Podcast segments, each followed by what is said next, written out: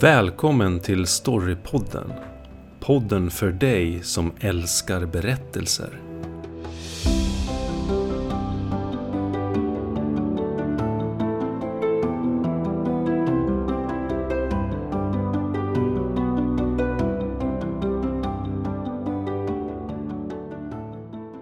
Hej allihopa och välkomna till Storypodden. Idag ska vi prata om stora berättare, J.K. Rowling och fantastiska karaktärer. Vi ska fördjupa oss en del i J.K. Rowlings författarskap och utifrån hennes mästerliga serie om Harry Potter. Så det kommer bli en hel del diskussion kring hur man skapar karaktärer, hur man kan få inspiration för att skapa karaktärer.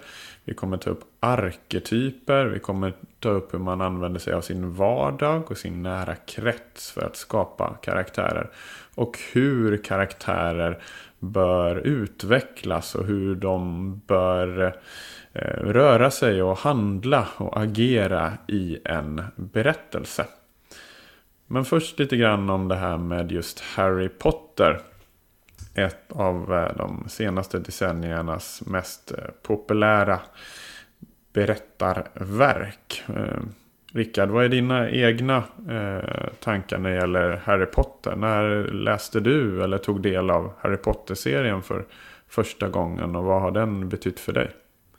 Jag såg ju filmerna först ja, och sen, sen har jag ju läst Eh, alla utom den sista nu då, så jag ska väl läsa den snart tänkte jag. Eh, nej men eh, det är ju ett eh, världsfenomen. Jag kan ju bara liksom hålla med om att det är förbannat bra alltså. Speciellt böckerna tycker jag väl. Hon har ju ett fantastiskt språk och en otrolig berättarglädje i, i berättelsen. Alltså det är ju det är ju jättebra. Och världen är ju otroligt frammejslad. Liksom. Det är väldigt mycket detaljer och roliga karaktärer och roliga händelser. Och det är mycket humor i den. Liksom. Engelsk humor speciellt, som, som, som jag gillar också. Då. Så det, det är lite sån här ordvigt eh, berätt... Ja, ordvig kan man ju kalla det nästan. Liksom. Lite poesi också. Sen har hon väl inte riktigt fått så god kritik för sitt eh, språk, då, själva språket. Men jag skulle nog säga att jag tycker att det är bra alltså. Det är väl eh, bra nog liksom för, för att vara barn och ungdomslitteratur. Absolut, alltså det är en hög nivå tycker jag. Själv då? Ja, nej, men det är väl lite samma där. Att jag började att titta på filmerna eh, från början och, och följde dem. Och och blev eh, väldigt sådär eh, inspirerad. De första filmerna eller liksom böckerna är ju ganska mycket förankrade för, för yngre barn. Och Harry är väldigt ung där i början. Men sakta men säkert så blir det ju mer och mer vuxet också. Och, och lite mer mörkare och mörkare. Som jag tycker är väldigt fascinerande och intressant. Och det är som du säger ett världsfenomen. Och eh, jag började sakta men säkert då att läsa böckerna liksom allt eftersom då. Eh, och jag kan ju bara hålla med om vilken berättarväverska eh, hon är. Och, och hur hon verkligen har mejsat fram den här fantastiska världen på ett helt otroligt sätt. Då. Ehm, och just det här med att det utvecklas och blir liksom mörkare och mörkare. Och man får följa Harrys resa. Genom liksom... Ja, från att vara väldigt ung till att bli eh, vuxen tycker jag är väldigt eh, fascinerande. Um, och eh, ja, karaktärerna då som vi ska komma till är ju eh, oerhört fint eh, utmejslade. Det, det, måste jag göra. Måste jag säga, ett mästerligt verk mm. detta. Jo, det finns, ja, det finns mycket att hämta där. Det finns mycket att säga också om Harry Potter-serien överhuvudtaget. Alltså, vi, vi kommer ju bara lite skrapa på ytan kan man nästan säga. Men eh, ja, lite om eh, J.K. Rowling då. Hon är ju född eh, 1965 och J står för Joanne och K är efter hennes mor som hette Catherine tror jag. Jag tror det var det i alla fall. Hur som helst, hon är eh, brittisk romanförfattare, manusförfattare och filmproducent då, och mest känd för Harry Potter då, som sagt. Som har sålts i eh, typ 450 miljoner exemplar världen över och översatts till 80 språk eller något sånt där. Eh, hon fick ju idén till Harry Potter eh, strax efter hon flyttade hem från eh, Portugal och hade gjort slut med sin exman då. Hon var ihop med en portugis och eh, fick sin första dotter tror jag med honom. Hur som helst, det tog slut. Hon, hon flyttade hem. Hon flyttade hem till sin eh, mor och eh, syster, har jag för mig att det var. Och bodde där och liksom hade jättelite pengar och levde på sin familj ett tag. Så hon var, hon var bra fattig och hade småbarn och sådär. Men hon satt hur som helst på ett tåg som var försenat. Hon åkte från Manchester och skulle tillbaka till London. Och det här var 1990. Och eh, då kom idén till Harry Potter då. Och hon satt där liksom i fyra timmar och började liksom spåna på den här historien då.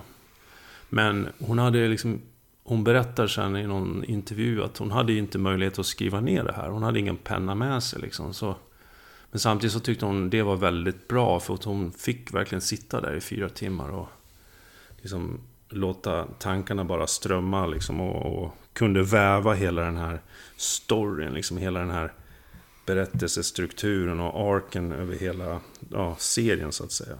Och det trodde hon att hade hon haft en penna så kanske hon skulle ha liksom kväst den här kreativiteten då på något sätt. Eh, och sen när hon eh, hade en penna i handen så började hon skriva då. Och eh, medan hon skriver den första romanen så dör hennes mor.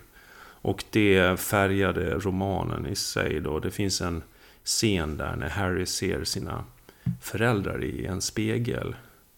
Och då eh, vart det lite mörkare än hon hade tänkt sig. Då. Alltså hade hon, eller som vi säger så här, hade inte hennes mor gått bort då, alldeles innan så hade det, den scenen blivit mycket ljusare. sådär. Men det är samtidigt hennes favoritscen i hela första boken har hon sagt. Då. Men eh, hon hade skrivit klart eh, romanen då och eh, flera, flera liksom förlag gav henne nobben. Tills ett litet förlag då vid namn Bloomsbury Publishing nappade 1996. Och eh, tydligen så var det ordförandens dotter då som eh, låg bakom det. Men hur som helst, eh, ett stort fenomen och eh, hon eh, sålde storyn till USA och strax efter det så, så, så liksom exploderade och hon kunde skriva resten av böckerna liksom, i den här serien då. Mm, och eh, Harry Potter då, eh, känner ju många självklart av oss eh, till, men kanske alla gör inte det som följer Storypodden. Så om man ska sammanfatta lite handlingen så handlar det ju om eh, Harry då som lever tillsammans med eh, sin eh, moster och hans make och, och kusinen där i en liten småstad i England inledningsvis. Och sen får han då olika brev där det berättas att han bör komma till Hogwarts eh, skola för eh, trolldom och häxeri. För han är nämligen en eh, trollkarl, eller han har liksom trollkarsblod i sig. Och han får reda på att hans mamma och pappa gick vid den här trollkarlsskolan. Och efter mycket om och men så kommer han i alla fall till slut dit i den här Hogwarts skola. Och där öppnas då en helt eh, ny värld för honom då. Den här världen av magi och trolldom. Då. Och där går ju då e- elever för att lära sig att bli trollkarlar och, och häxor. Och genom serien då så får man följa då Harry liksom år för år. Och eh, hur han sakta men säkert då eh, får fler vänner och lär sig mer om magi och trolldom. Men också då hur han får reda på sin bakgrundshistoria. Som berättar att eh, hans eh, mamma och pappa eh, en dag, eh, en gång i tiden försökte skydda honom från en elak trollkarl som kallades för Voldemort. Då. Eh, men eh, Voldemort eh, mördade hans föräldrar. Och, men när han skulle då eh, kasta en hemsk trollformel på Harry så var det någonting som hände. Och Voldemort försvann iväg och eh, Harry levde men med ett berömt R i form av en blick som finns i hans panna. Och sakta men säkert under den här handlingens och böckernas och filmernas lopp så får han då reda på mer om den här bakgrundshistorien. Och det visar sig då också att Voldemort inte egentligen har försvunnit helt och hållet. Utan försöker komma tillbaka till, till världen och starta ett krig mellan liksom de onda och goda eh, krafterna. Så eh, det är en strid och en kamp mellan gott och ont den här historien. Men också då en slags uppväxtskildring. Eh, eh, där vi får följa Harry då från, ja, från att vara ett barn till sakta men säkert att bli mer och mer vuxen. Då. Men vi kommer få lite mer delar av handlingen i och med att vi alldeles strax tar oss an de olika karaktärerna som befolkar historien. Då.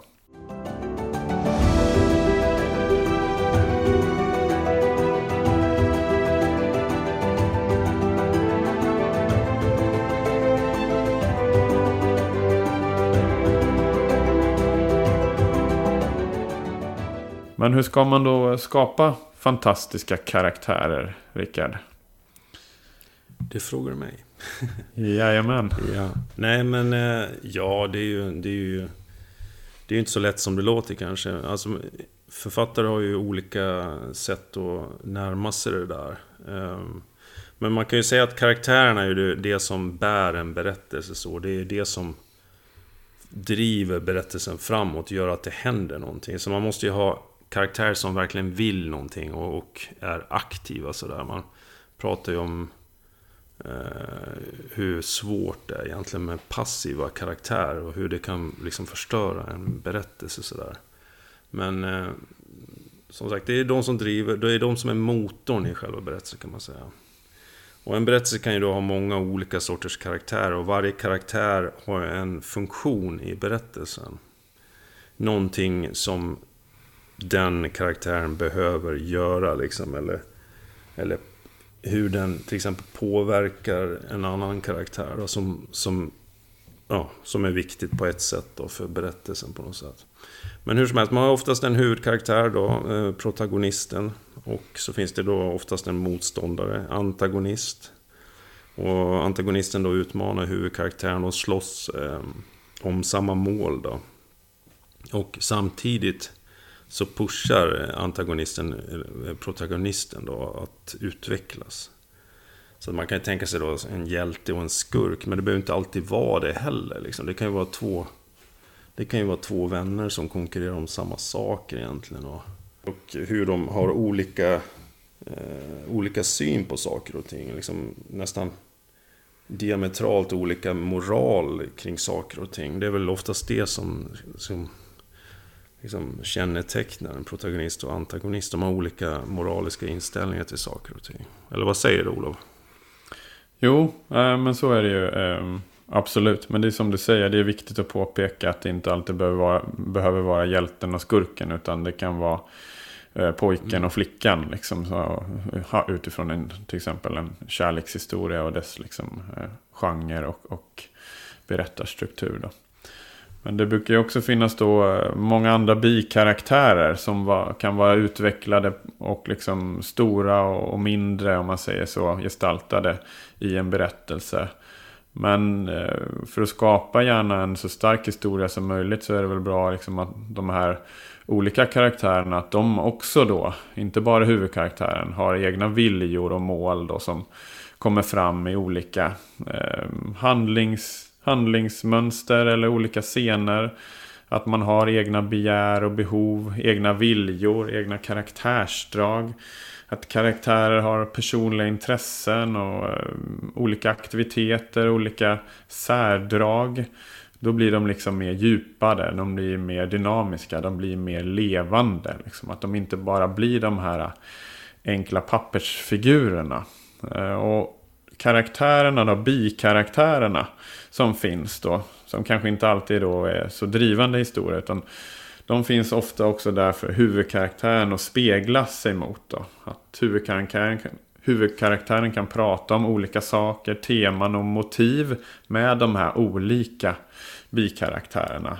Som då liksom kan spegla olika åsikter till exempel. Då.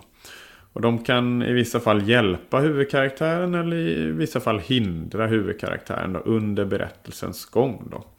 Och de är alla då inbegripna eller på olika sätt i det som kallas för intrigen. Då, en form av sammanlagt motstånd och väv av olika relationer då, som huvudkaraktären är inbegripen i och som den då måste försöka näsla sig ur eller lösa eller ta sig vidare igenom då för att nå sitt mål. Då.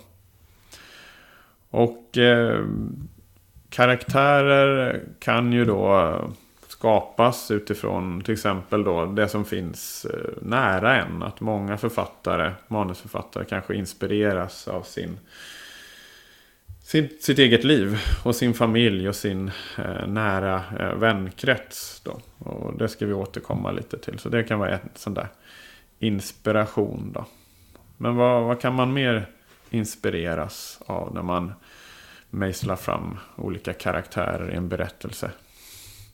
Ja, alltså, man kan även skapa karaktärer utifrån arketyper. Då. Alltså typiska karaktärer då, som, som har varit återkommande i tidiga berättelser. I, i, till exempel i myter och legender. Eller i, ja, tarotkort finns det också och i spel och allt möjligt. Då. Det, är, det är sådana arketyper som vi ofta känner igen då, och som har olika slags attribut eller karaktärsdrag. Och de symboliserar olika saker. och har vissa specifika funktioner då i berättelserna.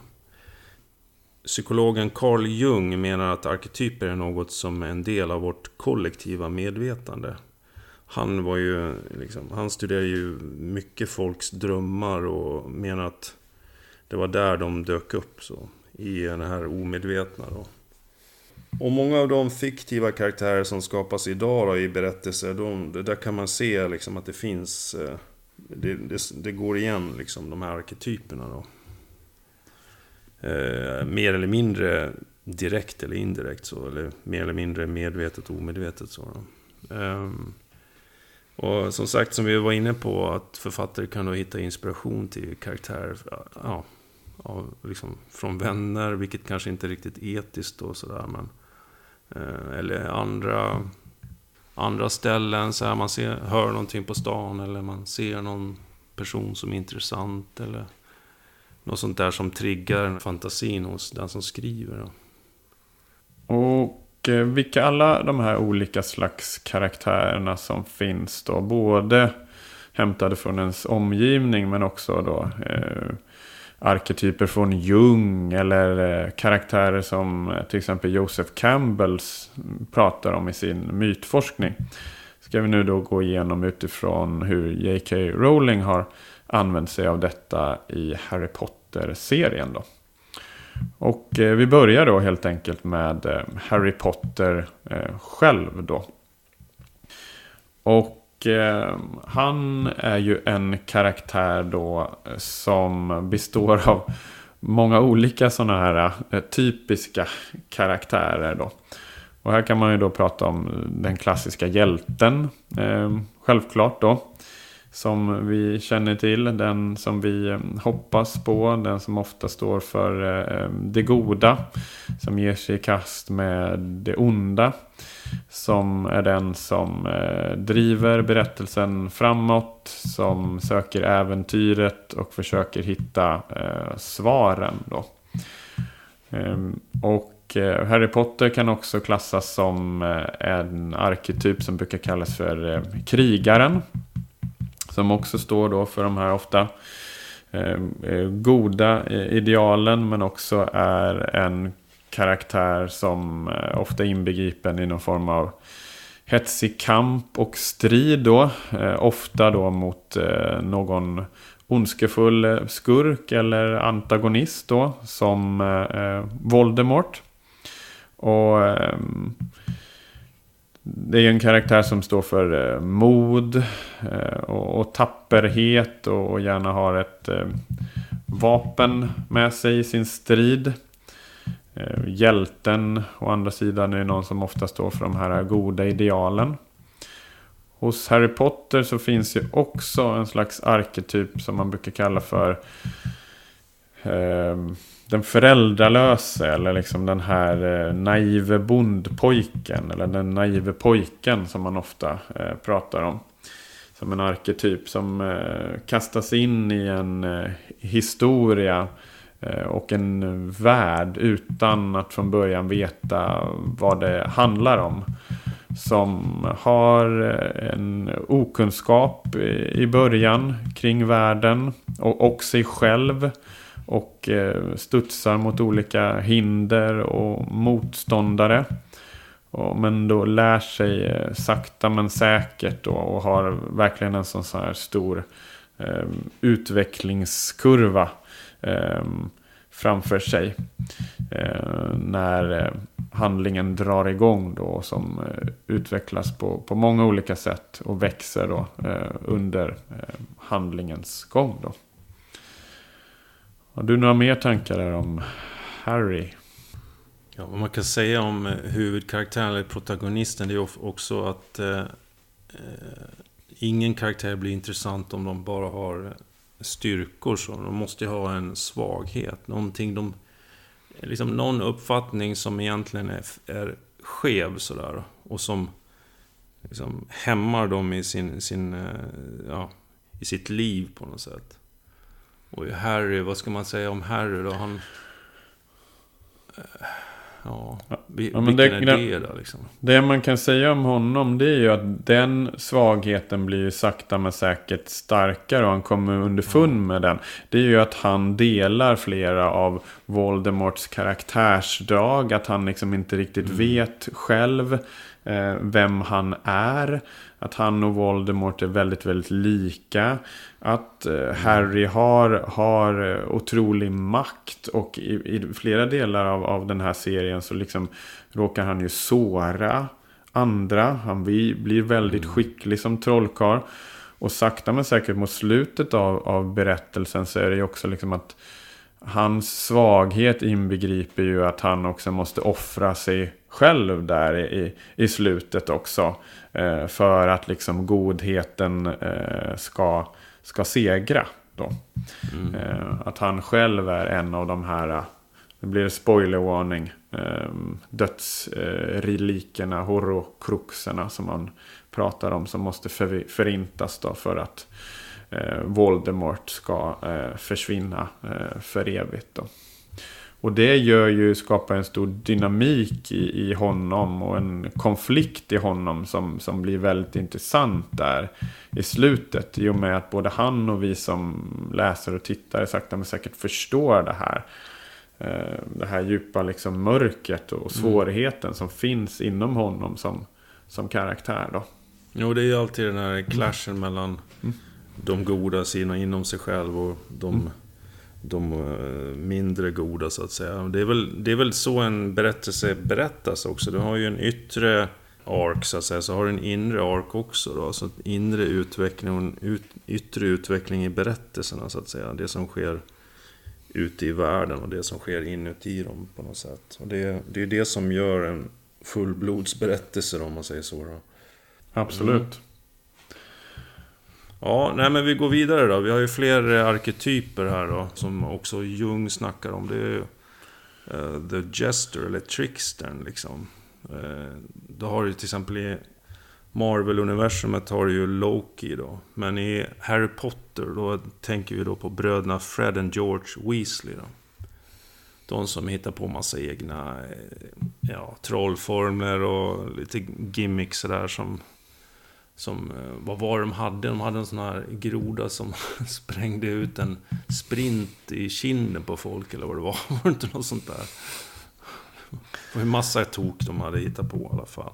Men det här är väl en karaktär som står för lite, som man kallar comic relief inom filmvärlden då. Alltså, gör det lite, lite, lyfter liksom lite grann och gör det lite roligare liksom det, är, det, är, en karaktär som står för lite pranks och lite eh, skämt och sådär. Och, och liksom, som har en ganska positiv syn på världen trots allt. Vad tänker du där då?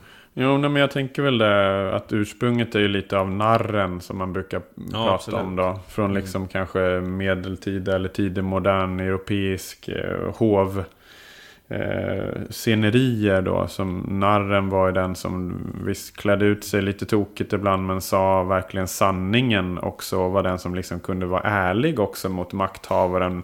Men också då på ett, eh, ett eh, väldigt roligt eh, och gestikulerande sätt. Och som kunde också klä av andra då.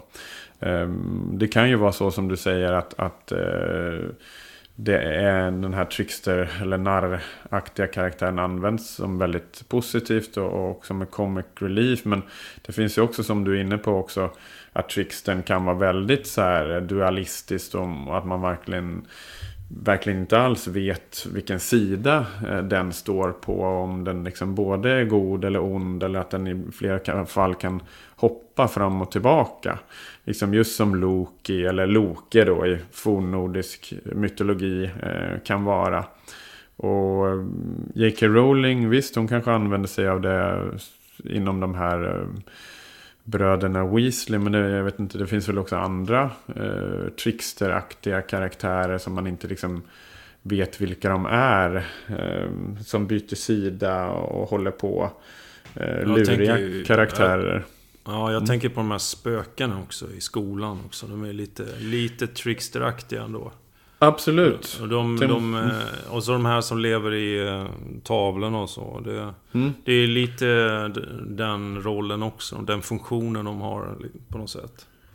Absolut, och jag tänker kanske på de här äh, De här små äh, alverna där som man inte vet också. Nobby tror jag någon heter va? Och, och Ja, den här äh, Vad heter den andra där som är sur där? Creature tror jag. Han är också sådär man Han svär åt dem men man hjälper dem lite också. Och Sen finns det väl äh, den här Peter Pettigrew som eh, först stödde eh, Harrys föräldrar men sen liksom blev en förrädare och, och angav dem till Voldemort. Det är väl också en sån liksom tricksteraktig eh, karaktär. Och, eh, när det gäller andra sådana här liksom, karaktärer som man pratar om i manusskrivande. Då pratar man ju också om den här falske vännen då. Som, som också kan liksom eh, föras in i trickster-karaktären ibland. Att den utgör sig i vissa fall att vara, vara en vän men blir sen en, en fiende och spelar ett spel. Då.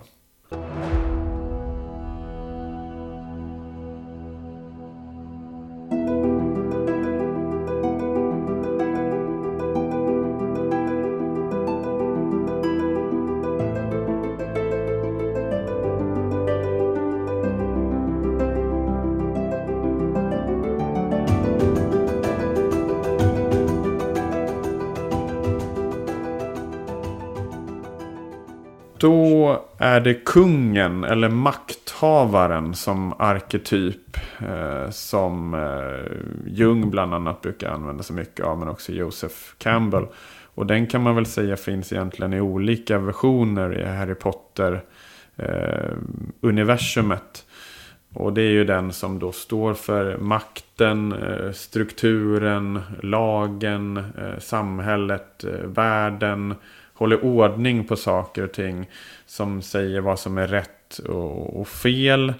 Eh, som kan stå för e-, etiken och, och man också är liksom högt där uppe i, i makten. Och sakta men säkert kan huvudkaraktären liksom var, komma närmare och närmare den här makthavaren och kungen. Ibland är den jätte, jättelångt bort och sen dyker liksom makthavaren upp mer i slutet av berättelsen och, och, och kan interagera med, med huvudkaraktären. Då. Och i Harry Potter-världen så kan man ju prata om den här Cornelius Fudge då, som väl är Minister of Magic, ja, minister för magi då, i, i den här magiska världen. Som kan döma, eh, kan, som kan säga vad som är rätt och fel. Som kan ge eh, råd ibland, men verkligen också säga till. Liksom att eh, så här eh, är det. Då. Och sådana makthavarfunktioner har vi också i, i, eh, i andra karaktärer i, i universumet. Vi ska komma till det här med olika mentorsgestalter som också kan vara olika slags makthavare. Alltså en, en annan makthavare som är en av mina favoritkaraktärer i Harry Potter. Det är ju hon Umbridge, eller vad hon heter. Den där rosa klädda damen där. Hon Ja, är ju verkligen. fantastisk alltså. Vilken, vilken hemsk människa. Men hon är ju otroligt bra. Det är ju en otrolig, eh, ska man säga, friktion. Alltså motståndare på något sätt för eh, Harry Potter och alla barn i skolan. Och där hon lägger ner lagen och får någon eh, lärare utslängd och sådär. Ja, hon får Miss ju Dum- Dumbledore. eh, Ja, hon får precis. ju Dumbledore utslängd till och med. Hon blir ju Ja. liksom som Fudge eller Hon är någon slags Vol- inkvisition alltså nästan. ja, närmare Mm. Voldemorts förlängda hand Ja. där. Liksom, och verkligen sådär. Eh, säger vad som är rätt och fel. Och, och, och eh, det är ju ganska hemska scener när hon eh, skriver in i Harrys arm där va, om, om vilka regler det är som, som, Ja, som gäller. Liksom. Mm. Ja, det är en väldigt bra karaktär.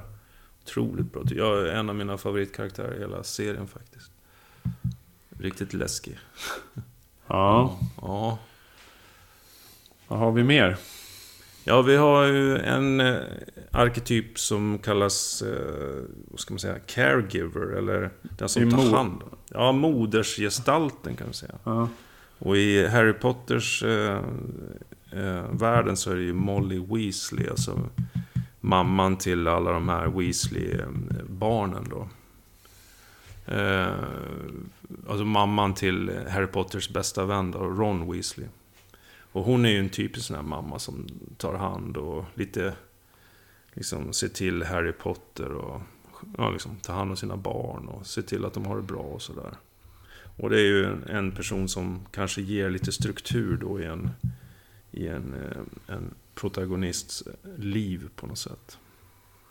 Eh, vad kan man mer säga då? De, de, kanske ju- inte, de kanske inte alltid är med på resan i sig, men de är som, en, de är som en, liksom ett fundament av trygghet på något sätt. Mm, ett litet hörn där som man kan komma och få tröst i och, och liksom Mm. lite Hämta positiv kraft, liksom. Ja, Ja. Ett, ett litet fönster ut och, och komma och andas eh, lite. Hon är ju verkligen en sån där liksom eh, bullmamma då, som är med och, liksom, och, och, och hjälper alla och ser så att Mm. eh, eh, alla eh, har det bra. Men det behöver ju inte alltid vara en eh, kvinna i och för sig som Nej. har den här funktionen i en berättelse. Det, det kan man ju påpeka. Men just i Harry Potter så är det ju Molly då. Och vi kan då ta upp kanske redan nu då eh, otäckingen själv då. Eh, skurken då som man pratar om. Eller antagonisten eller skuggan som man brukar prata om. I, i arketyper då. Eh, och, och det kan ju sägas vara självklart av Voldemort i Harry Potter-serien. Den store motståndaren som Harry verkligen då speglar sig mot eh, hela tiden. De är liksom så här eh, teser och antiteser verkligen mot, mot varandra. Men också liksom delar en, en kärna också. I form av det som hände för länge sedan då med att han skickade den här liksom eh, Eh, förbannelsen då som då liksom eh, studsade så att de liksom eh, ingick i, i varandras själar. Någonting från Voldemort satte sig i Harry och liksom och på något sätt tvärtom då. Så de är verkligen liksom skuggor av varandra. Så här har verkligen J.K. Rowling just använt sig av liksom den arketypens eh, fundament då för att skapa en, en väldigt liksom giftig motståndare för, eh, för Harry Potter. Och han är ju liksom eh, ondskefull rakt igenom och hans begär är ju det här med eh, odödlighet, att, att eh, leva för evigt. Och han vill ha eh, total egen makt då. Och kontrasteras då mot eh, Harry då som är absolut inte självisk utan där liksom verkligen det här med vänskapen och, och vännerna och kärleken eh, är liksom det som verkligen är, är, är eh, det Harry söker och som är så, så viktigt i, för honom. Så de är verkligen eh, kontraster där. Vad säger du? Det intressanta egentligen med Voldemort tycker jag, det, det är ju att han är ju mer eller mindre icke-materiell i början. Han ligger i någon slags limbovärld, eller vad jag, vad jag, ja. om jag minns rätt, och inte riktigt har tagit kroppen. Och det, det påminner lite om Sauron faktiskt. I, Verkligen. I tol, Tolkien-böckerna liksom. Mm.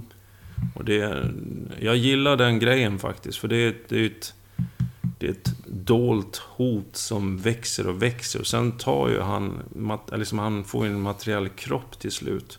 Samtidigt som Harry Potter då går från att vara en mer eller mindre outbildad liten wannabe trollkarl till, till att bli en, en full, full, liksom, fullärd magiker på något sätt. Eller trollkarl då.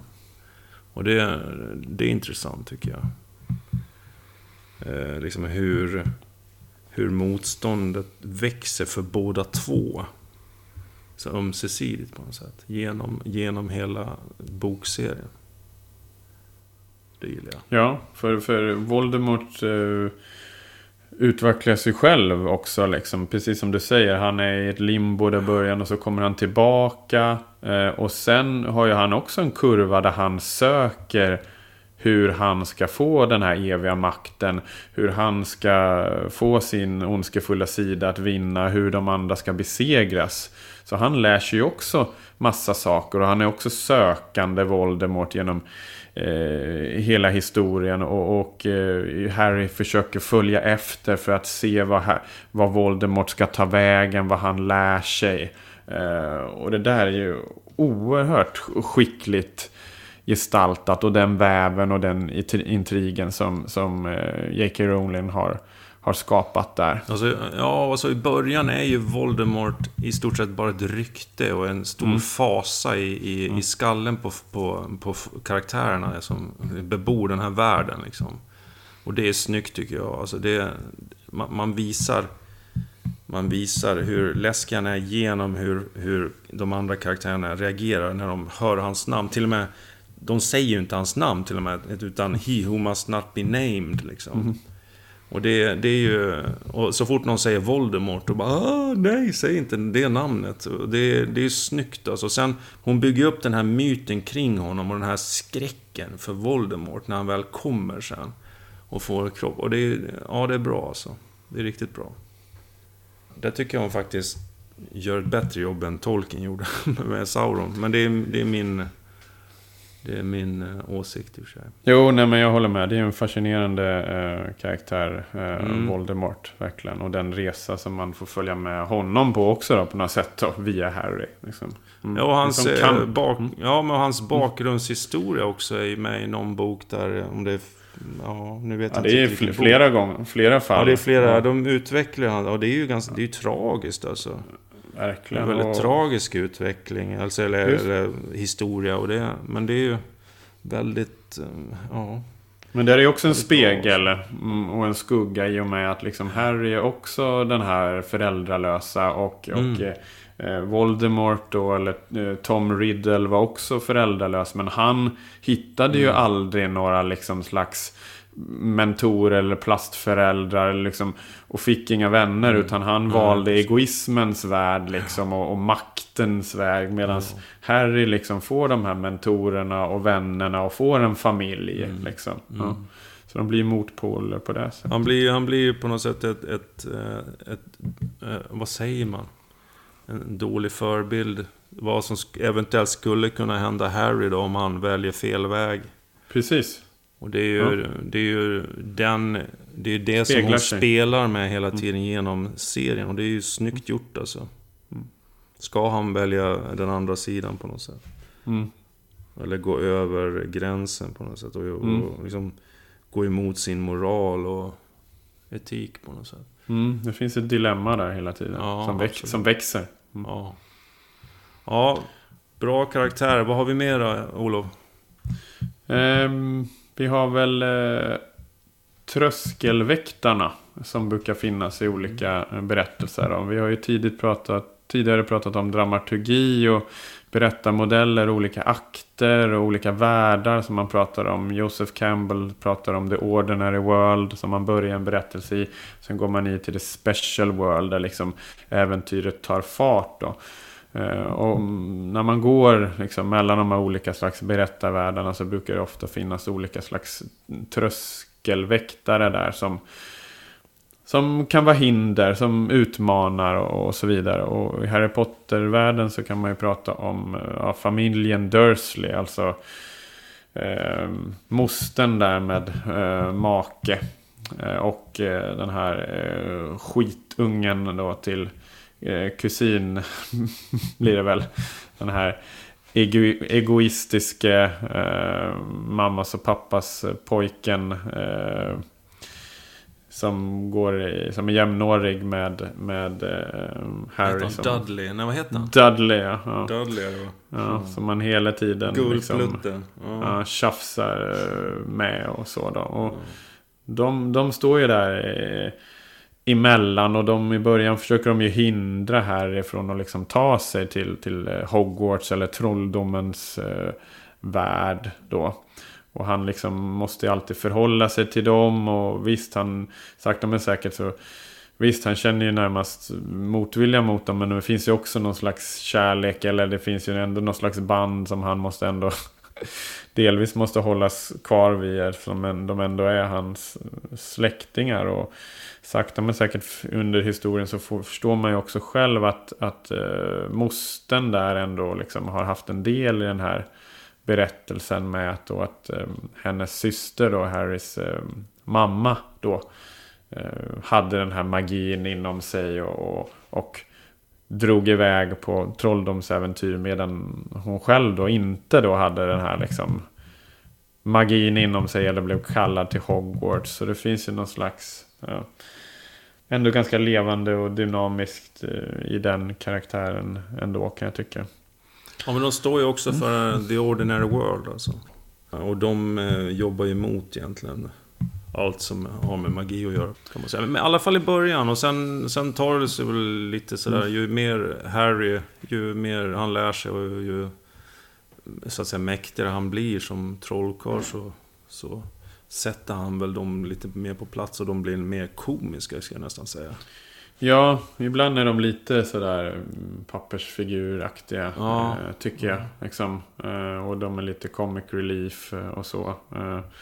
Mm. Eh, men ehm, ja, det är intressant. De har ju liksom hållit tillbaka sanningen också för, för honom. Ehm, och så har jag vetat mycket mer hela tiden då. Mm. Men det finns ju andra tröskelväktare i, i serien också som, som J.K. Rowling använder sig av. Dem. Men, men de där är verkligen så här tydliga i, mellan liksom Ordinary World och, och Special World. Och vår värld och, och trolldomsvärlden. Då.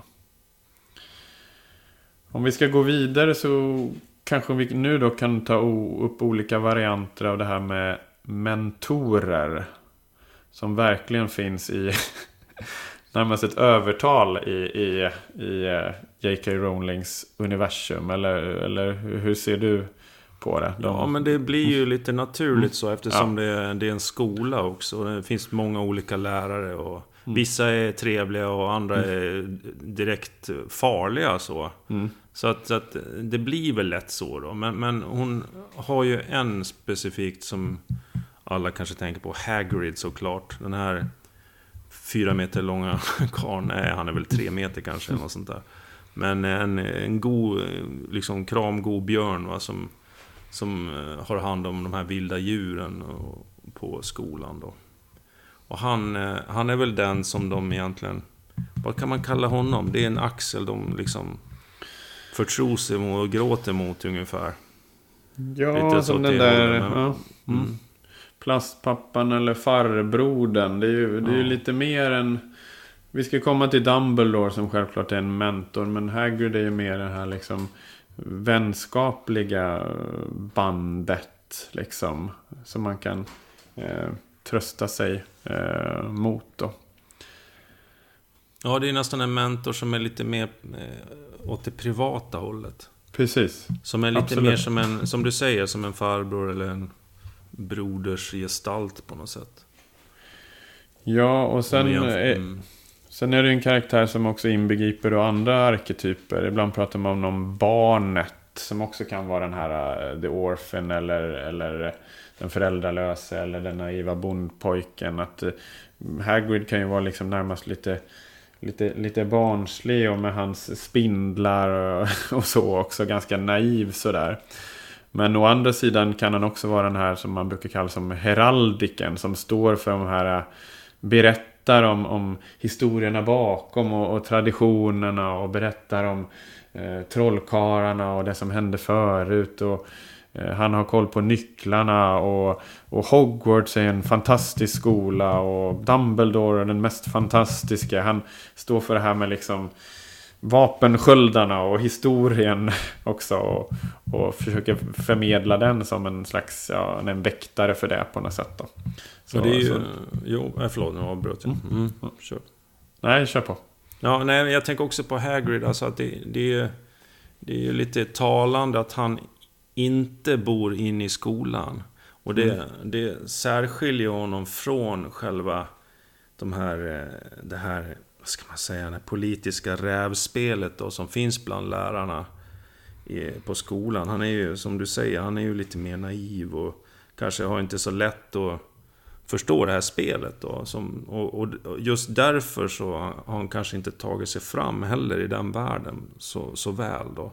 Jag tror han blir ju till och med av med jobbet sen, va? Blir han inte det? Ja, några Inte hon- gånger. Ja, några Mm. gånger. Inte hon Umbridge då som... Jo, bland annat Ja, tror jag. Och sen har han ju, man har, några har lurat honom tidigare. Jag tror liksom Mm. Voldemort, när han var Tom Riddle, lurade honom någon gång. Så, ja, men, eh, ja.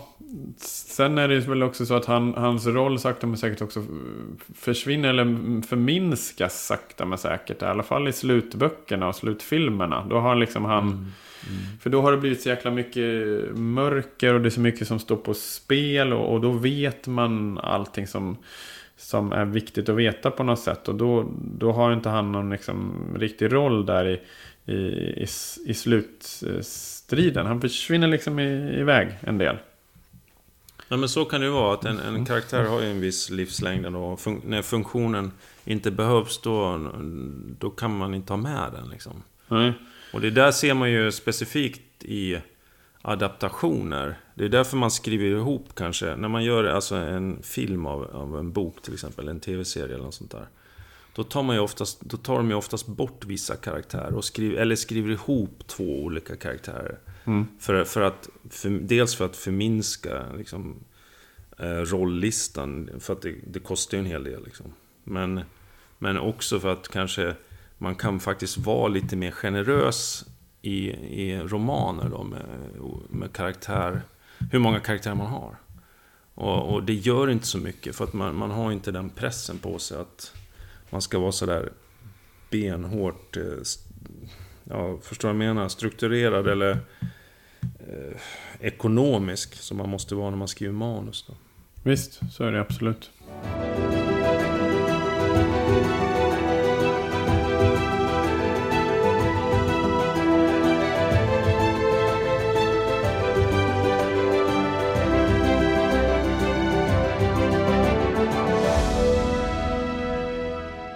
Mm, det var bara en, det var en liten parentes, men i alla fall. Vi fortsätter då. Ja, Till den och- stora mentorn, eller hur? absolut. Mm, kör du. Al Albus eh, Dumbledore, självklart en av, av eh, litteraturens och också filmhistoriens eh, mest välkända mentorer. Vid sidan av liknande karaktärer som Merlin eller, eller Gandalf till exempel. Och också gestalten då självklart av en trollkarl med, med långt vitt skägg. Liksom. Mm. Som, som är den där som, ja, men som kan i stort sett allting och som vill eh, lära eh, den eh, naiva karaktären om hur, hur världen är och hur eh, den bör, eh, bör föra sig. Alltså en, en, en lärare helt enkelt då. Som besitter otrolig kunskap och eh, har extra speciella krafter som han eller hon då kan, kan idka.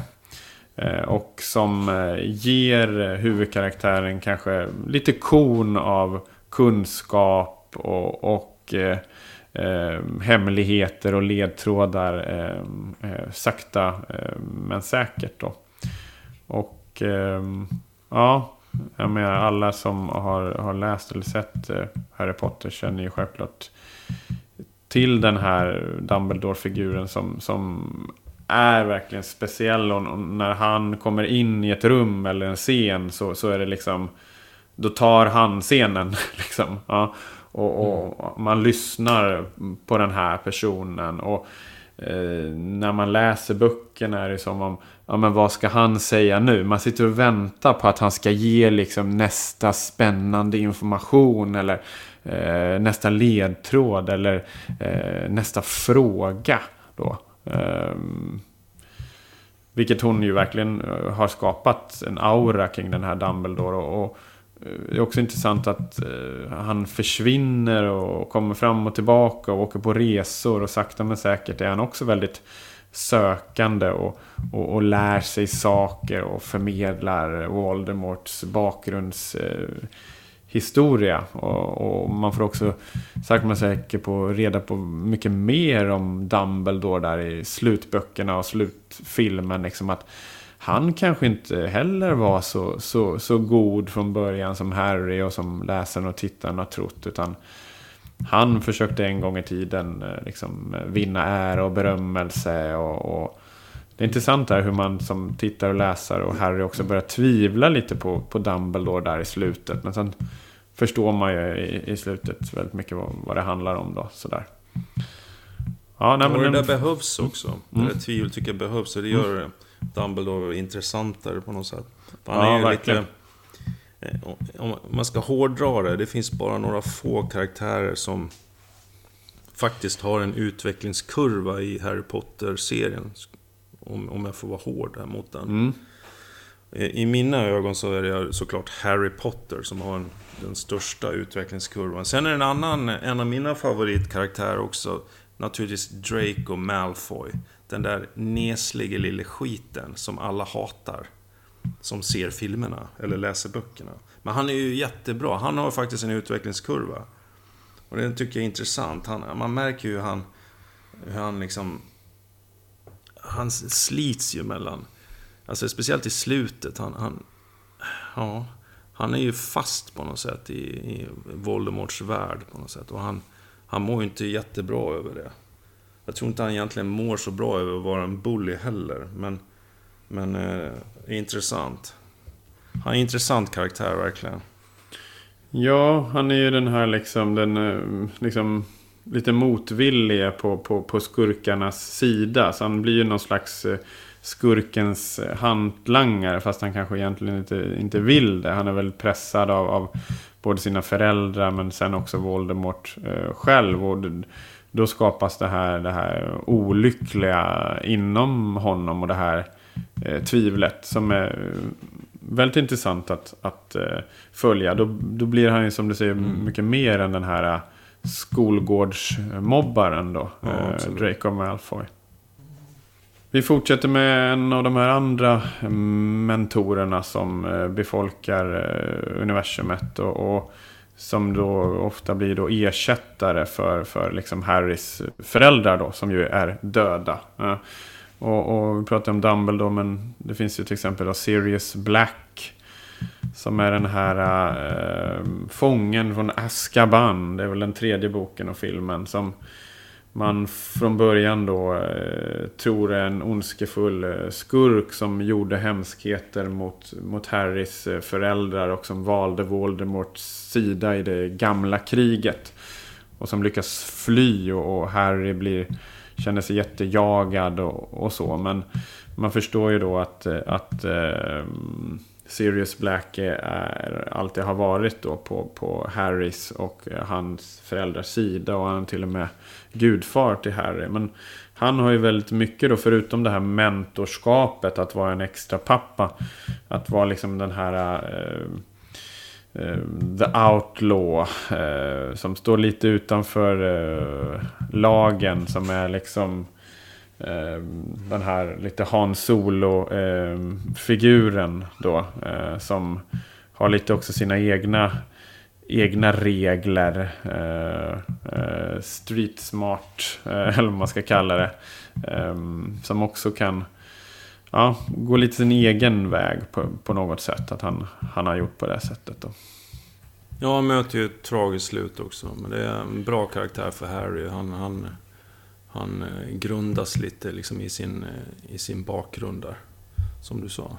Verkligen. Det är ganska fina scener där verkligen. Mm. Eh, och det, det är just då dem. Harry behöver det också om man säger mm. så. Han, mm. han är lite förlorad där ett tag. Sen, mm. sen träffar han Sirius Black liksom. Så. Ja. ja. och hon utnyttjar ju verkligen det här ändå med liksom, om man säger så, saknad och sorg och, och dödsfall. Mm. Och flera av de här karaktärerna dyker upp och, och, blir mentorer och sen tas de ifrån Harry liksom. Eh, mm. Ända fram till slutet. Så det, mm.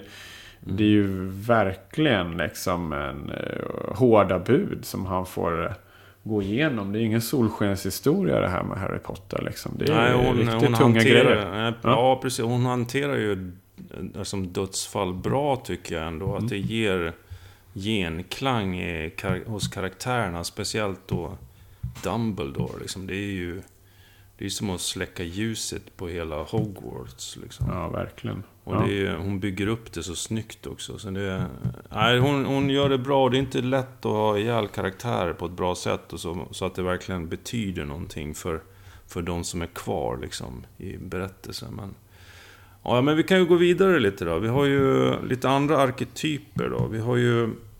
Um, The Companion, eller liksom det romantiska intresset kan man ju säga också. Då har vi dels Cho Chang i början där. Eh, I de första böckerna, va? Är inte, är inte hon ganska tidigt i serien för mig? Ja, eller i alla fall från mitten, ja, mitten böckerna där. Mm. Ja, han är ju, alltså Harry är ju lite fumlig med, med, med, med tjejer sådär. Han är ju mm. lite ja, man vet inte vad han ska säga. Han är nervös och, och sådär. Men sen får han väl ihop det med Cho där efter ett tag.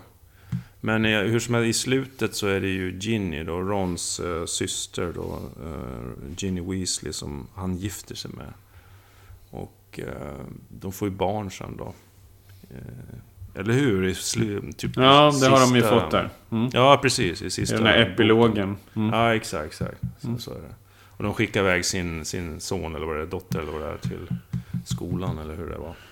Men hur tycker du att det är ändå det här med kärleksintresset då? Till exempel Ginny. Hur, hur, funkar det i, i den stora intrigen, i den stora utvecklingen, i den stora kampen mot Voldemort? Alltså det, jag känner lite att, att hon har egentligen ingen jättestor roll där, Ginny. Liksom. Nej, jag tycker ja. hon är lite ja. o... Ja. Alltså, eh, outnyttjad om man säger så. Ja, skulle man skulle kunna, skulle kunna slå lite på lite fler strängar när det gäller henne och, och den roman, romantiken de har och byggt upp det lite mer. Och, och att man fattar att det verkligen, verkligen betyder mer för Harry. Mm. Och då skulle man också kunna bygga upp ett hot mot henne lite mer från Voldemorts sida. Eller Voldemorts eh, liksom lakejer på något sätt. Ja, att de visste lite mer om det och kunde ja. använda sig av henne. Alltså det finns Draco möjlighet. till exempel. Ja. Draco ja. kunde ju ha liksom, sagt någonting om det och man hade utnyttjat det för att komma åt Harry. Eller någon av Harrys vänner till exempel. Då. Det hade ju varit intressant att se något sånt då, men... Ja, ja eller att hon, är, att hon är tillfångatagen och han därmed tvingas gå till den där förtrollade skogen eller något liknande. Mm, mm. Uh, samtidigt så kanske också det är lite befriande att det där är så, vi, vi är så vana vid det. Att liksom skurken har tagit kärleksintresset och håller henne fången och, och så. Ja, så. man har ju sett det hur många Tusen gånger. gånger som helst. Ja, precis. Men eh, ja, så kanske hon vill tona ner det lite grann för att... Ja. För att för att det ska vara barn och ungdomslitteratur lite mer då. Eh, men ja, ja jag vet inte. Men... Eh, eller, ja. ja. eller så är det att det handlar mer om det som vi ska komma till nu då. Det här med de allierade och vännerna. Liksom. Att det kanske är det mm. som är mm. det viktiga. Liksom. Jag menar, det är ju det som är närmast huvudtemat. Det här med, med, med, med vänskapen. Att man är starkare tillsammans då som vänner än, än liksom ensam. Mm. Och så då. Och, och då har vi ju självklart Hermione och, och Ron. Då. Mm. Och eh, de står ju för lite olika uh, sidor där. Uh, där Harry kan spegla sig emot då. Och de används också på olika sätt. Uh, för att skapa konflikter med Harry. utveckling därigenom. Eh, vilket gör det intressant också. Det är liksom inte alltid då vänner som eh, det är, man alltid är så, så goda vänner med. Utan ibland så, så blir det starka konflikter med, med vännerna och, och Harry verkligen eh, påverkas. Då. Eh, till exempel då, med Ron i, i de här slut, eh, slutboken. Då, de är iväg verkligen på det här äventyret och letar de här dödsrelikerna. Det blir en stor konflikt mellan, mellan Harry och Ron. Då. Men annars är väl eh, Ron kommer ju från en eh, trollkarlsfamilj och Harry kommer ju in i, i Rons familj som liksom blir ju hans familj då med Molly och, och, pappan där som jobbar på trolldomsministeriet och, och så alla brorsorna och Ginny också då. Och, och, Ron är väl också lite sådär comic relief och, och, det händer lite roliga grejer med honom så, så, så Harry kan skratta med honom och de stöttar mm. varandra och, och lär sig tillsammans. Han är ju lite klumpig där. Han, han är ju mm. den där karaktären där man får se vad som kan gå fel när man håller på med magi på något sätt. Mm. Eh, han, han, visar ju den sidan av, av, det på något sätt. Men han är ju också den som är med Harry hela tiden. Han är ju vid hans sida hela tiden som en, bro, mm. liksom en, en brorsa verkligen. På något sätt. Verkligen. Så. Och Hermione är ju med det här med då, ja, hon är självklart jättenära hela tiden, men hon är ju så otroligt smart och så vetgirig och liksom verkligen egentligen den bästa trollkaren av dem och, och eller häxan då, och kan ju hur mycket olika trollformler som helst och är också så vetgirig och nyfiken så hon hjälper ju Harry i, i hans eh, ledtrådssökande. Ja, hon är ju uppslagsverket på något sätt. Ja. När man har problem då går man till Hermione och, och får hjälp på något sätt. Det är lite så. Och hon har läst ja. på om allt. Och tillsammans då utgör de ju liksom någon slags treenighet, den här kärnan i hela berättelsen. Mm. Liksom, utan Ron och Hermione så är ju Harry inte Harry. Liksom. Eh, utan han behöver dem. Ja, han utan, skulle aldrig klara sig utan Aldrig, dem. han skulle aldrig Nej. klara sig utan dem. Liksom. Ja. Och, och, både genom sin kunskap och, och, hjälp och så i äventyret. Men också då självklart som, som vänner och, och kärleken. Att det är, han kämpar ju för dem. Liksom, ja, om, man, om, man tänker, om man tänker så här då. Liksom att Harry står för hjärtat av de tre. Mm. Och, och, och, Hermione står för, för den röda tråden och kanske hjärnan i mm. det här. och, och liksom strukturen på något sätt. Det är, mm. hon som, det är hon som stakar ut vägen ofta för dem. Mm. Tänkte, nej men vi ska göra så här istället, eller lite åt det hållet. Och, och Ron, ja vad gör han då? Han är ju den som understöder på något sätt. Mm. Hjälper till och liksom är, är någon slags moraliskt stöd åt Harry. Det är, det är den polaren han kan liksom garva lite med och ta udden av på något sätt. Det är hemskt ja. som händer. Ja, eller så är han hjärtat, liksom Ron och, och ja, Hermione är hjärnan och, och Harry ja, jo, är där i mitten. Då. Ja, jo, ja, så kan det vara. Så kan det vara. Mm. Ja, men de är ju väldigt otroligt starka äh, karaktärer då som äh, allierade och, och, och, vänner. Då. Mm. Ska ja, vi, vi komma till en avslutande äh, större karaktär? Det finns självklart fler som vi inte har tagit upp här också. Men en mm. otroligt viktig karaktär eh, för den här berättelsen då är ju Severus Snape. Som man då kan kalla för Shapeshifter eller eh, den ombytlige brukar man prata om. Ehm, det är också en karaktär som har de här ehm, ja, trickster-grunderna eh, ibland. Ehm, och som kan vara någon falsk vän. Men det är ju en eh, trollkarl då som vi aldrig riktigt vet vad vi har. Eh, är han ond? Är han god? Ja, vem är han egentligen? Genom hela historien så går det som en röd tråd att vi som läsare och Harry själv då, tittare, vi vet inte riktigt var den här karaktären står någonstans. Är han där för att hjälpa Harry? Eller är han där för att eh, skälpa honom?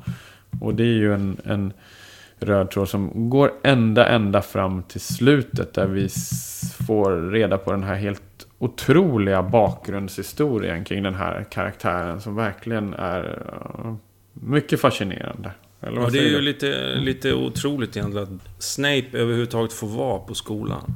Mm. Det, det har jag alltid tänkt på. Varför får han det? Och Dumbledore uppvisar någon slags naivitet där faktiskt. Kring den här personen. Och tror på vad han säger. Och det, jag vet inte. Jag, jag har lite, jag, jag vet inte. Men jag tycker det är så bra faktiskt. Men eh, alltså en väldigt bra karaktär, det, det säger jag ingenting annat om. Och han, han behövs för den storyn. Han, han är ju den som är riktigt elak på skolan då, förutom den här rosaklädda Umbridge eller vad hon heter. Nej men det, det, det, det får man ju reda, man får ju reda på i slutet liksom hela bakgrundshistorien med att liksom eh, att, att Snape har gått liksom undercover eh, för att, eh, att lura Voldemort och få hans förtroende så att man på så sätt då kan få reda på saker som, som Voldemort vet eh, och, och skydda Harry eh, därigenom. Då. Eh, men det är som du säger, det är, egentligen kanske man kan fråga sig hur, hur det kommer sig att Dumbledore eh, tror på allt det där som Snape no. en gång i tiden berättade. Och, och det har ju, vad jag kommer ihåg, varit så tidigare i Snapes liv att han har liksom flörtat med den mörka sidan och, och varit dödsätare och mm. i, i, allians med Voldemort. Och det kanske inte är förrän det här i de här sista böckerna som man förstår sen senare att han eh, går över på rätt sida. För han har ju då en bakgrundshistoria där han då eh, älskade eh, Harrys mamma en gång i tiden. Men hon valde ju då Harrys pappa. och, och det gjorde Snape eh, eh, förgrymmad och, och sorgsen. Och han har aldrig kunnat älska någon annan då. Och väldigt ensam och, och, och bitter. Då. Det är ju någonting som han tar ut då på, på, eh, på Harry. Men samtidigt så genom kärleken som han behåller eh, till Harrys då döda mamma. Så eh, finns det också en ja, en, en tanke eller ett måste. Att han måste skydda då hennes avkomma. Liksom, eh, genom, mm. På grund av sin kärlek till henne. Liksom. Och han är, ju, han är ju en sån här karaktär som verkligen på något sätt sporrar Potter också. Och blir bättre. Alltså genom att vara ett svin emellanåt. Mm. Som, som jag ser i alla fall. Mm. Och, han utmanar. Mm. Och jag tror jag skrev ju någon text på hemsidan om, om antagonismen i Harry Potter-världen på något sätt. Jag, man kan ju se det som lager av antagonismen där kanske Drake och Malfoy är närmast Harry liksom. Och då är Snape nummer två lite längre bort på något sätt. Fast ändå viktig. Och sen har du Voldemort som är längst bort och det överhängande hotet på något sätt. Så hon har ju byggt upp det som en lök nästan av antagonism med olika lager. Det är snyggt alltså, jag gillar det. det Verkligen. Jätte, smart, jätteskickligt. Ja, det är skickligt. Ja. Innan, eh, innan vi kan säga kanske våra omdömen om hur vi tycker att de här flera av karaktärerna fungerar så kanske man ändå kan Eh, Eh, nämna lite kort vilka andra arketyper som, som finns eller vilka vi har pratat om. Och, och Jung har ju då tagit upp det här med mentoren och den vise mannen, den oskyldige, den eh, naive, eh, bondpojken som vi pratade om, barnet, utforskaren brukar man prata om, den äventyrslyssne, makthavaren, kungen. Det finns en karaktär som ibland kallas för Skaparen. Eh, kanske inte finns så mycket av den i Harry Potter-serien, jag vet inte. Vi pratar om moden, omhändertagaren, eh, magiken då som finns i mentorsgestalter då som till exempel eh, Dumbledore också. Självklart hjälten, vi pratade om rebellen då som eh, delvis kunde vara eh, fången från Askaban eh, där. Eh, hans eh, Sirius gudfar. Black. Sirius Ja. Black. Mm. Vi pratade om älskaren eller älskarinnan. Vi pratade om gycklaren, tricksten. Den föräldralöse då, eh, som, som Harry kan vara. Men ja, ofta går de ju in i varandra många av de här arketyperna. Ja, det är ju verkligen fram och tillbaka. Och som sagt så består de av liksom många av karaktärerna i Harry Potters värld består ju då liksom av, har olika drag från de här arketyperna då.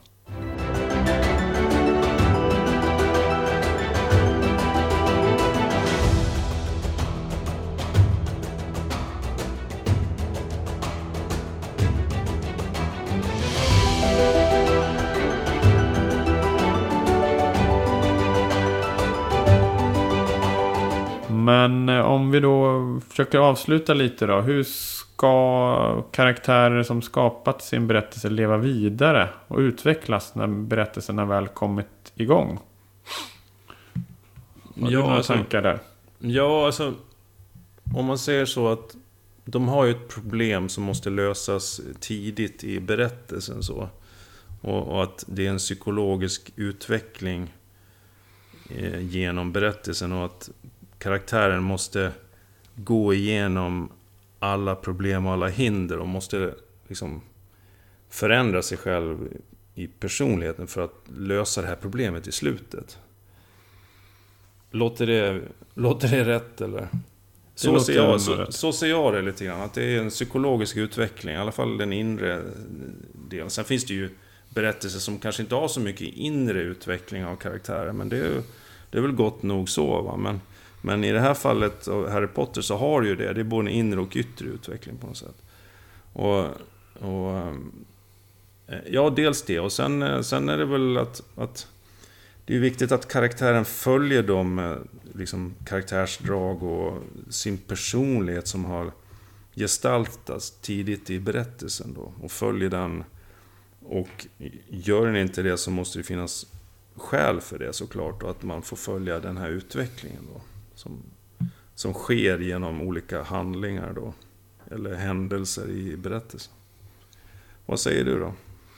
Jo, nej men eh, jag håller med. Ehm, och de, jag menar, det handlar om att skapa lite mer levande karaktärer. Eh, det är det som är det viktiga. Och om det är vissa karaktärer som är, som är tunnare, då, då krackelerar ju de delarna av historien också. Så, så man måste ju verkligen bygga upp de här viktiga karaktärerna på olika sätt. Annars faller ju liksom illusionen och trovärdigheten. Och då tappar liksom publiken och läsaren engagemanget. Så, så täta hålen där runt omkring när det gäller alla eh, karaktärer. Så att det blir levande och trovärdigt. Men det är ju viktigt att de ändå följer den här um, kurvan då och inte börjar göra massa andra konstigheter. Om det nu inte är så att de är falska där från början då.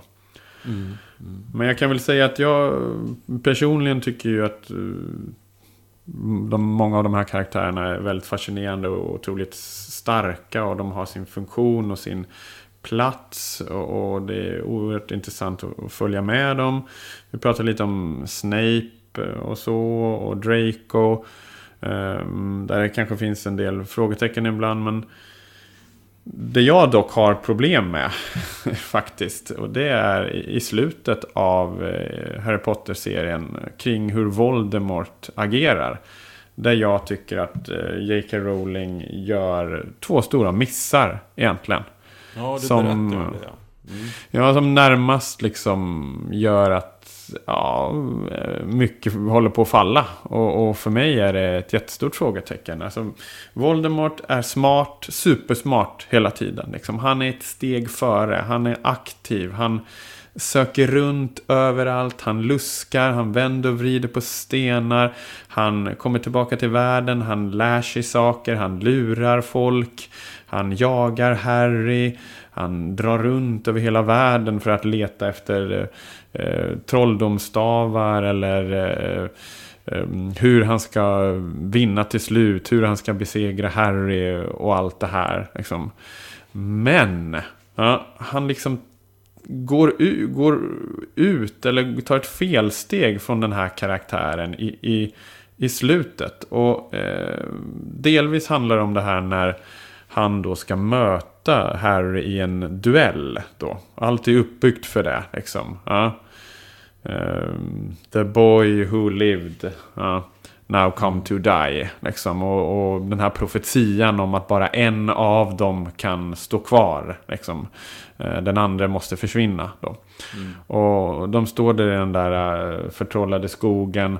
Och, eh, sju, och Voldemort säger ah, Avada Kedavra och, och, träffar Harry och han liksom offrar, offrar, offrar sig då. Liksom. Han har förstått att han, han måste göra det då. Och att han själv är en sån här dödsrelik eller horokrux då. Eh, och då kommer han i det här limbot eh, och möter Dumbledore, Harry. Och sen är det ju så liksom att Voldemort står ju bara kvar där. Liksom bara ja, han är död. Liksom. Harry Potter är död. Fast han egentligen inte är död. Och Voldemort har inte ens tid på sig att gå fram några steg och kolla om Harry är död. Ja?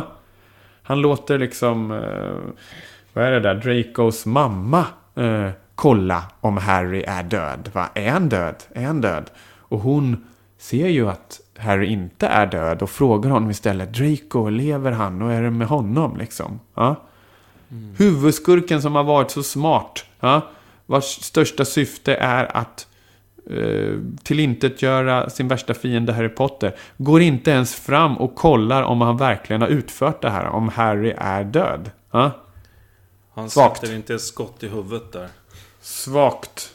Han missar skottet i huvudet. Det är riktigt svagt tycker jag. Ja, och det är bara den ena grejen. Nummer två är det här med den här eh, eh almstaven eller the elder one. Den här fantastiska eh, trollstaven som Dumbledore har. Som, som Voldemort tar från Dumbledores eh, grav. Att Voldemort har varit så smart och kollat hur det här fungerar med alla de här äh, extra magiska tingen som ska göra en till en världens bästa trollkarl. Eh, det är den här eh, Resurrection Stone och eh, den här äh, osynlighetsmanteln.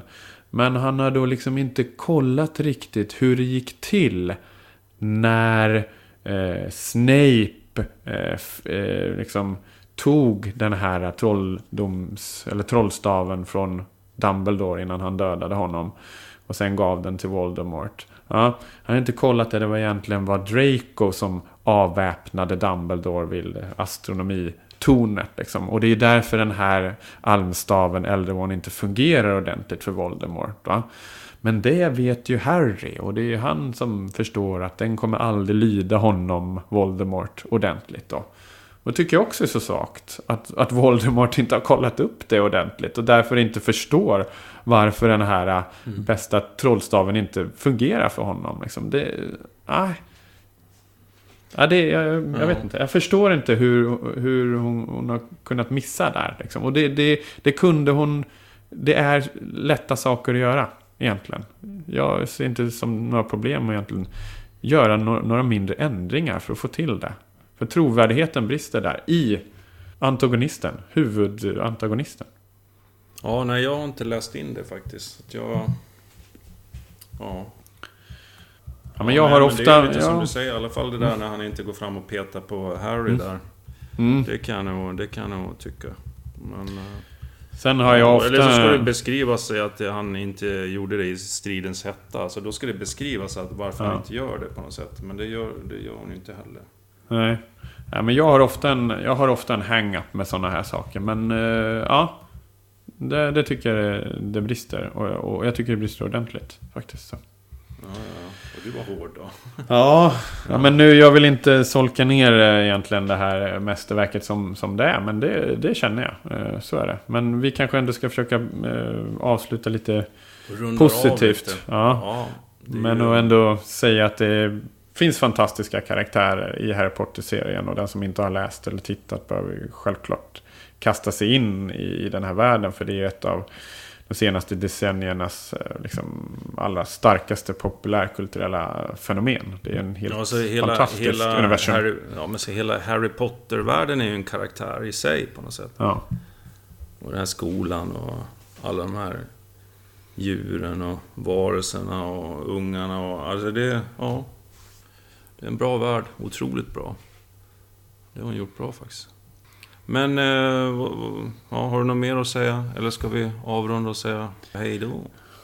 Ja, nej men eh, nu har vi kört järnet här med karaktärer, fantastiska mm. sådana och eh, hur man kan inspireras för att skapa karaktärer och hur de bör fungera i en stark eh, berättelse. Och hoppas att eh, ni tyckte det var intressant och om ni håller med oss, hör av er. Och om ni inte håller med oss och tycker att framförallt att jag snackar skit här i slutet. Ja, men uh, let håller us know. Med, ja. Håller ni med mm. Olofs sågning här? I... ja. Så hör gärna av er så kan vi diskutera mm. vidare på sociala medier eller, eller i mailform eller, något liknande. Ja, nej, men hoppas ni gillar avsnittet och lyssnar på nästa. Vi tackar för oss då. Ha det bra. Det gör vi. Ha det bra. hej. hej. hej, hej.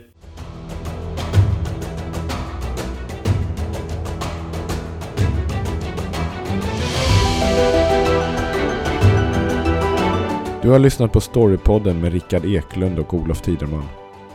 Fler avsnitt, mer info och tips hittar du på www.storypodden.se. Vi finns även på sociala medier i form av Facebook, Twitter och Instagram.